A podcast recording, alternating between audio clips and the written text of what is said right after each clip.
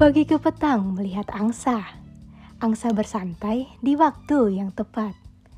Selamat datang di podcast Papip Si Bisa. Bincang santai episode keempat.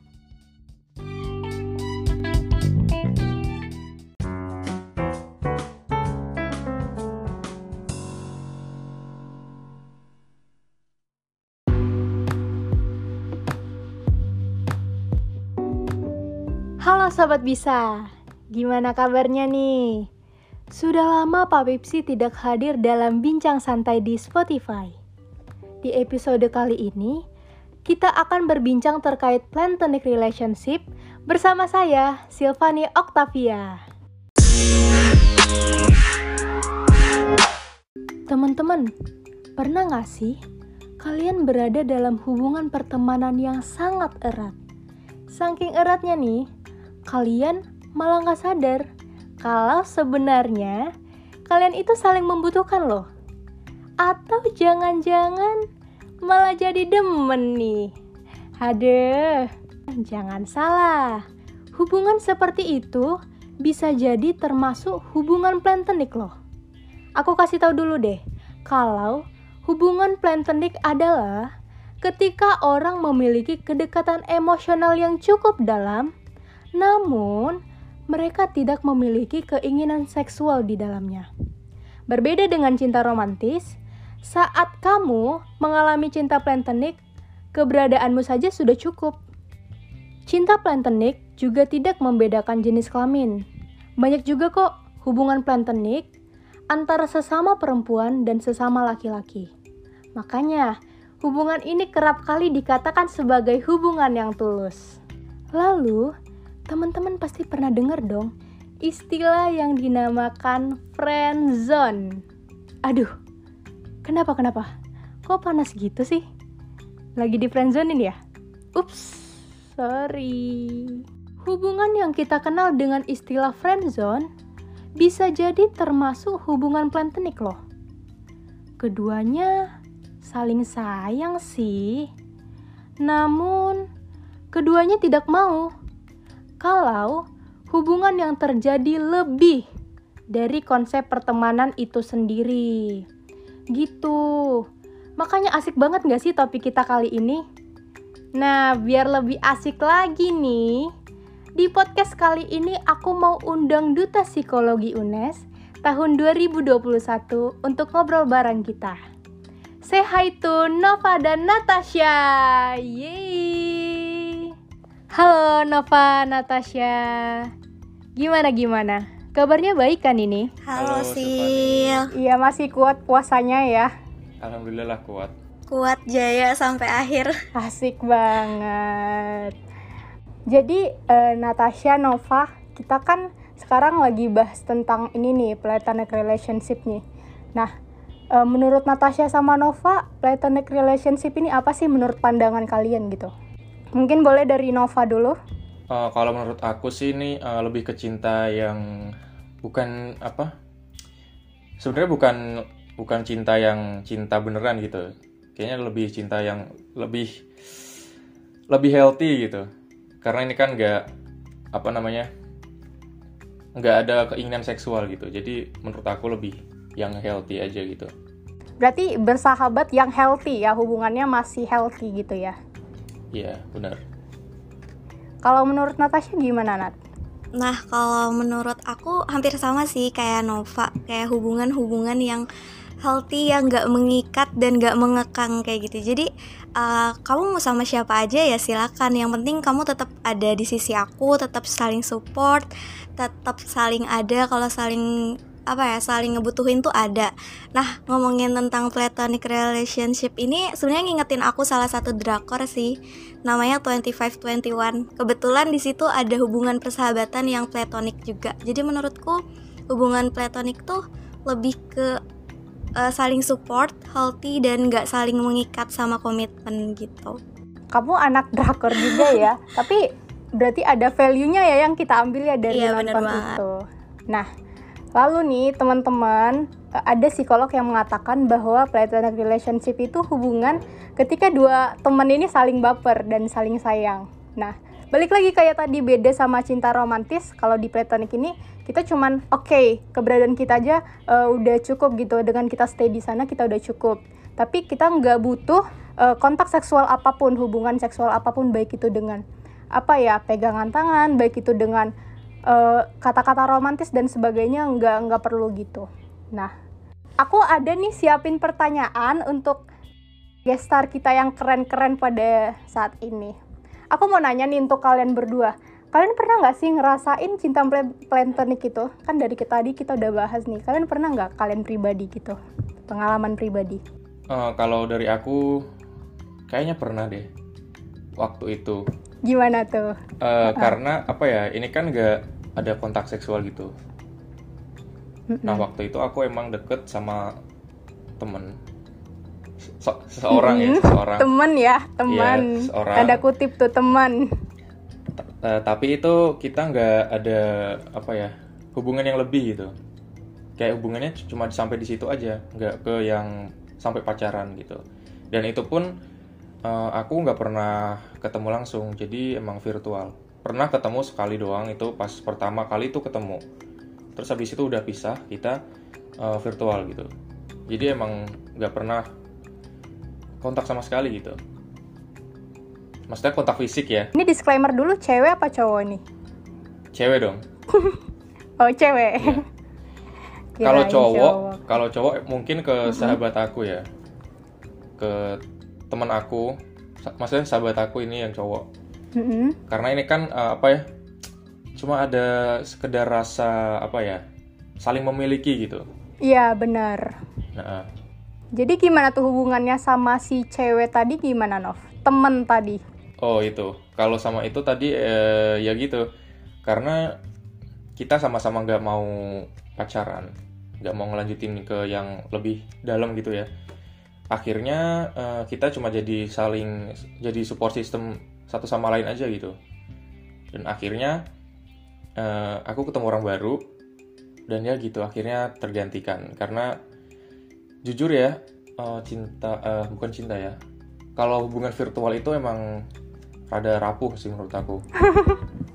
Iya susah ya. Memang uh, sih bener-bener karena nggak pernah apa ya nggak pernah kontak fisik gitu. Mm-hmm. karena dalam satu hubungan kan yang bikin bisa tahan lama gitu long lasting kan ya karena mereka kontak fisik.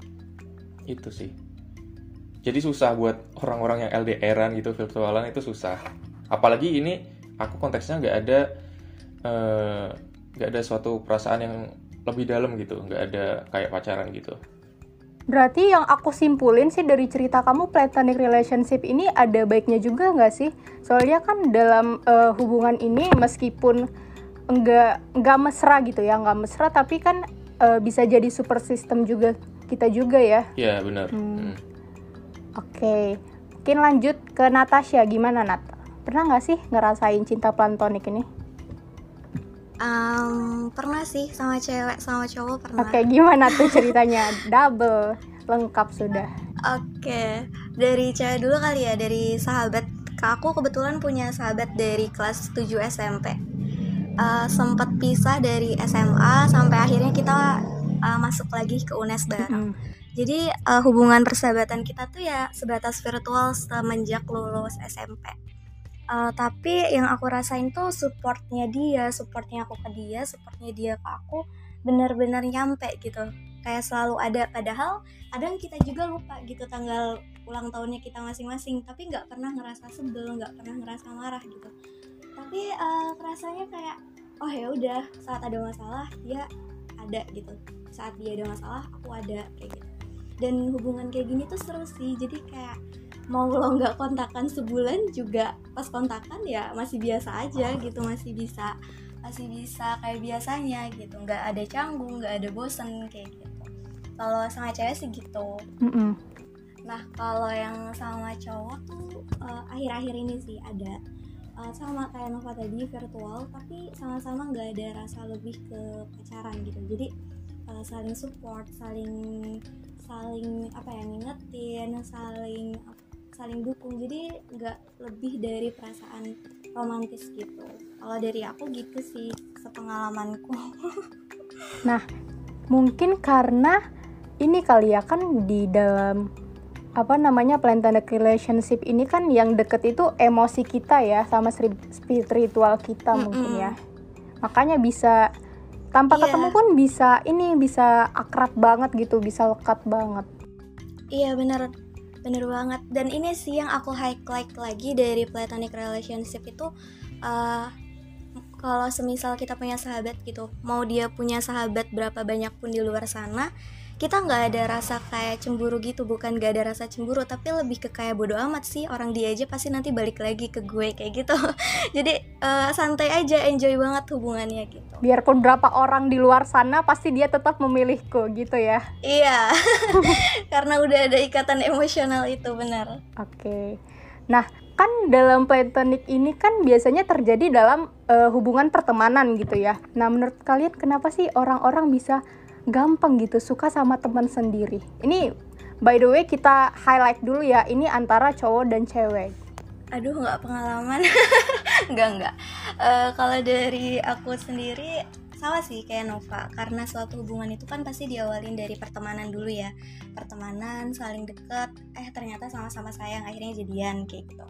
Nah kalau dari aku sendiri ya sama kayak gitu sih intinya. Nggak bisa berkomentar banyak. Ya, Eh, ini aku bahas yang eh, ke cewek gitu ya. Apa kedua-duanya? suka sama cewek dong, Nov. Masa suka sama cowok sih? Oke. Oke, gimana tuh? Eh, iya. Kenapa eh, mis- eh, orang-orang bisa suka sama teman Mm-mm. sendiri ya? Mungkin karena eh, udah apa? Udah udah terlalu deket gitu. Biasanya kan kalau temen itu sering main gitu ya. Mungkin sering curhat juga, mungkin Mm-mm. sering apa namanya di talk gitu kan. Mungkin tiap malam sleep callan. Nah, itu dari situ menciptakan suatu eh, hubungan yang lebih erat gitu. Ada ikatan yang lebih dari itu.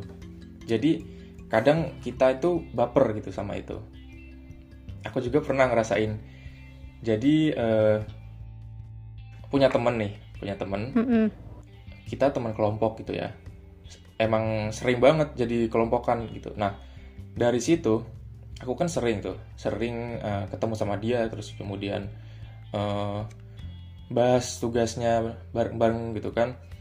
Akhirnya ada tuh suatu muncul suatu perasaan suka gitu. Nah dari situ akhirnya eh, kenapa orang-orang bisa suka sama teman sendiri itu sih emang karena ada apa ya udah terlalu deket aja gitu kan kalau orang sayang itu kan gak mungkin langsung sayang gitu ya Mm-mm. maksudnya ketemu orang terus langsung sayang kan gak mungkin ya Iya, iya Nah, sih karena benar-benar. dari karena dari da- dari dari temen itu dari temen kemudian deket deket deket dan akhirnya muncul rasa itu rasa sayang itu Oke. Kalau dari Natasha sendiri gimana, Nat? Hmm, ini dari aku ya kalau dari aku sendiri aku sering menghindari friendzone jadi eh, justru kalau semisal terjebak friendzone aku sering menghindar gitu. Eh, kalau ditanya apakah temanku me- apa ya menggapai standar di dalam diriku sebenarnya tergapai sih maksudnya tercapai gitu ada. Cuman aku sering menghindari friendzone jadi aku selalu menegaskan dari awal kayak kita temenan ya kita partner kayak gitu. Jadi biar nggak saling melangkahi batas masing-masing kayak gitu. Nah, tapi kalian pasti punya dong kayak eh, standar untuk pacar gitu ya.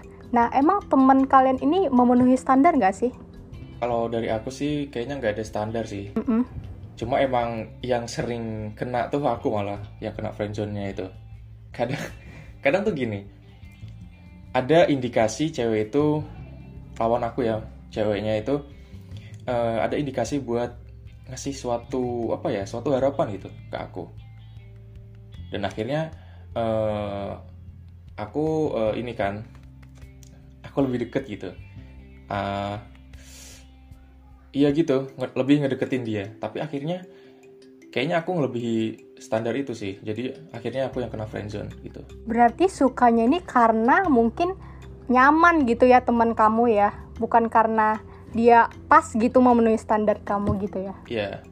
Karena nyaman. Ke- emang kebanyakan orang itu suka karena nyaman sih pengalaman aku ya Karena pada akhirnya kesempurnaan akan kalah dengan Kenyamanan. kenyamanan. Bener banget sih itu sih. Iya. Lalu kalian kan eh, pernah nih tadi ceritanya eh, kalian pernah nih dalam hubungan friendzone. Nah, menurut kalian itu friendzone itu termasuk cinta platonik nggak sih? Kalau Nova gimana Nov? Eh, kalau dari aku bisa jadi ke cinta platonik ya platonik karena kan biasanya friendzone itu kan nggak ada ini ya nggak ada hubungan yang lebih gitu yang lebih yang lebih dalam. Biasanya kalau orang pacaran kan biasanya pegangan tangan mungkin kemudian eh, mungkin eh, ada yang mungkin love language-nya itu physical touch ya mungkin bisa jadi itu kontak fisik. Nah tapi kalau di hubungan platonik ini kan eh, nggak ada ya kayak gitu. Eh, mungkin bisa kalau friendzone itu masuk ke cinta platonik. Kalau Natasha gimana Nat? Uh, aku agak agak sedikit bertentangan sih. Kalau menurutku friendzone sama cinta platonik antara dua temen yang beda jenis tuh nggak bisa disamakan karena uh, aku sering dapat contoh-contoh apa ya kayak baca-baca tentang hubungan platonik juga. Mereka itu lebih ke nggak mau ada komitmen lebih sekedar dari temen. Jadi kalau semisal dia mau dia ada perasaan cemburu sama pasangan temennya tapi dia tahu batasan diri dia kalau dia sebagai teman kayak gitu jadi kalau menurutku friendzone sama platonic beda sih gitu Oke, macam-macam ya tanggapannya ya, menarik menarik. Nah, lalu kalau misalnya di friendzone ini kan ya, itu kan karena ada beberapa kemungkinan karena salah satunya itu nggak mau confess gitu kan. Kalau misalnya kalian sendiri tanggapan kalian sendiri confess itu gimana sih? Apakah emang kita harus confess gitu? Apa gimana? Coba. Dari aku dulu ya Mm-mm. kalau dari aku ada dua apa ya dua sisi gitu yang pertama itu harus harus banget confess dari diri dari diri diri sendiri gitu ya harus banget confess karena apa biasanya orang yang eh, mendem perasaan itu bakal jadi beban banget buat dia tapi di sisi lain di sisi lain itu itu bakal ngerusak hubungan yang ada gitu jadi satu sisi eh, ngebebanin kita sendiri tapi sisi lain ketika kita confess itu bakal eh, ngerusak hubungan yang ada gitu. Tapi dari confess tadi ada dua pilih eh, ada dua apa namanya ada dua sisi lagi. Yang pertama confessnya diterima terus kemudian hubungannya bisa jalan lagi dan yang satu confessnya ditolak. Dan akhirnya hmm, hubungannya rusak gitu. Jadi itu sih tanggapan aku. Nah iya, aku setuju sih. Kamu sendiri punya pengalaman confess nggak? Eh, sekali pernah ya sekali. Mm-mm. dan itu diterima alhamdulillahnya. Tapi kalau misal ada yang confess itu pernah pernah juga.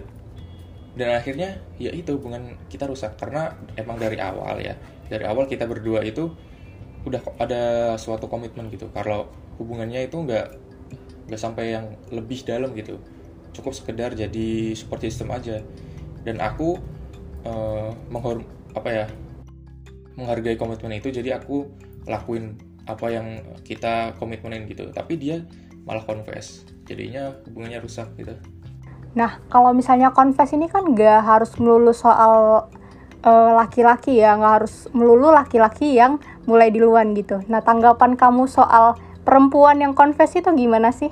Eh, kalau tanggapan aku ya nggak apa-apa sebenarnya. Karena kan eh, ya masa confess harus co- cowok cowok terus kan ya. Karena cewek kan juga punya perasaan gitu. Mm-mm. pasti cewek juga pernah ya suka sama cowok gitu. Dan eh, mungkin cowoknya nggak tahu. Jadi ceweknya ini mendem perasaannya terus gitu.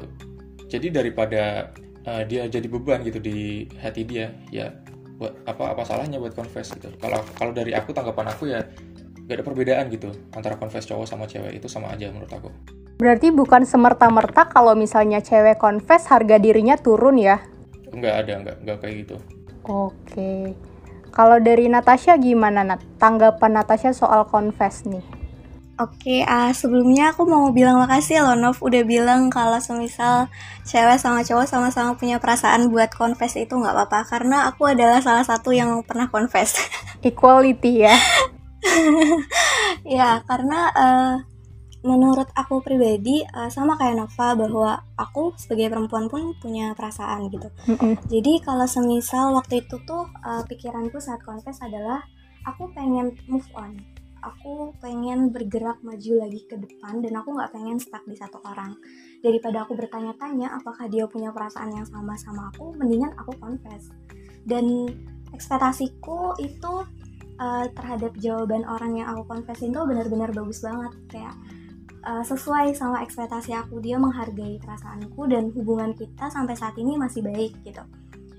Uh, tapi uh, mungkin untuk beberapa perempuan di luar sana masih takut untuk confess masih takut untuk mengungkapkan perasaannya. Jadi uh, tanggapanku soal confess itu nggak apa-apa loh kalau semisal kalian terutama untuk perempuan yang sama kayak aku mau confess untuk melegakan perasaan kalian mau move on mau maju lagi ke depan nggak mau stuck sama satu orang is oke okay banget buat confess itu nggak sama sekali menjatuhkan harga diri kalian kok itu pandanganku sih kamu punya cara nggak sih untuk perempuan di luar sana yang mau confess biar si cowoknya ini nggak risih gitu?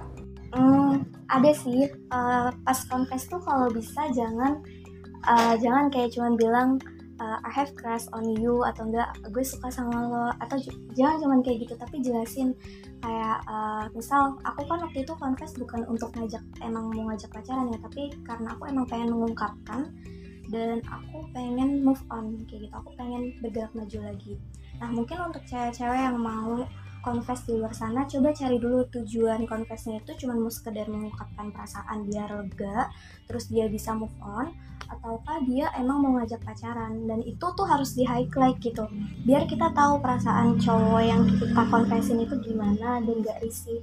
Sebisa mungkin pakai bahasa bahasa yang halus pakai bahasa yang baik nggak sekedar satu kalimat ambigu yang bikin orang bertanya-tanya gitu. Kalau dari aku itu sih. Berarti nggak apa-apa kan ya kalau misalnya kita tuh oke okay, gue suka sama lu nih. Kalau misalnya lu terima yang nggak apa-apa enggak juga nggak apa-apa gitu kan. Iya iya dan itu tuh menurut uh, menurutku pribadi enak banget loh kayak gitu. Uh, kebetulan kan aku pribadi mendam perasaan itu lima tahun ya. Lima tahun bukan waktu yang bentar kan kayak gitu. Jadi kayak ngontrak ya iya ngontrak tahun. DP motor cicilan motor. Jadi uh, it's okay banget untuk diungkapin. Karena dari teman-temanku tuh banyak banget yang masih mendem perasaan sampai bertahun-tahun yang stuck sama satu orang bertahun-tahun. Menurutku harus dikonfes sih itu biar cepet-cepet move on. Karena jujur ya jujur sebagai cewek uh, kan kalau kita masih berteman baik sama cowok apalagi masih di treat baik sama cowok itu uh, kita pasti bertanya-tanya ih kayaknya dia suka deh sama gue. Ih kayaknya dia suka deh sama aku kayak gitu. Tapi kita nggak pernah menanyakan itu secara pasti. Nah confess itu gunanya kan juga untuk menanyakan perasaan orang yang kita suka itu kayak gimana. Kalau emang gak suka ya move on dong gitu. Oke deh, terima kasih banyak untuk Nova dan Natasha udah mau bincang-bincang asik di podcast Papipsi kali ini. Oke, mungkin untuk Nova sama Natasha punya closing statement gak sih? Atau pesan untuk teman-teman di luar sana yang punya platonic relationship atau uh, sedang sedang ada sedang berada di cinta platonic ini? Kalau dari aku sih uh, lanjutin aja ya, karena uh, banyak juga positifnya bisa diambil gitu. Karena uh, mungkin bisa jadi uh, platonic relationship ini bisa jadi uh, suatu support system gitu satu sama lain dan itu yang bakal ngepush banget sih misal kita ada lagi down gitu kan ya bisa bisa kita disemangatin gitu bener bener bener itu bisa salah jadi salah satu mood booster kita gitu biarpun kita nggak punya ayang ya tapi kita punya sahabat yang yeah. jadi support system kita Iya benar sekali. Kayak kalau dari Natasha, gimana Nat? Hmm, kalau dari aku pertahanin juga sih, pertahanin. Terus kalau bisa dijaga persahabatannya. Kalau semisal cewek sama cewek, uh, hindarin konflik-konflik yang bisa ngebuat hubungannya berantakan. Kalau cewek sama cowok, kalau bisa jangan ngelibat ngelibatin uh, perasaan emosional yang romantis. Karena jujur hubungan platonik tuh asik banget, sehat banget dan uh, salah satu hubungan yang mungkin sampai saat ini aku merasakan bahwa hubungan itu ngebantu aku untuk bertahan hidup dan melanjutkan hidup aku kayak gitu karena bener-bener kena banget support sistemnya dan ya mereka bakal jadi orang yang bakal selalu ada sih gitu. Oke berarti keduanya ini uh, harus dijaga ya untuk uh, hubungan plantanik ini. Iya dong. Ya terima kasih banyak teman-teman yang sudah mendengarkan. Kita akan lanjutkan di podcast-podcast selanjutnya. Nantikan ya. Terima kasih banyak.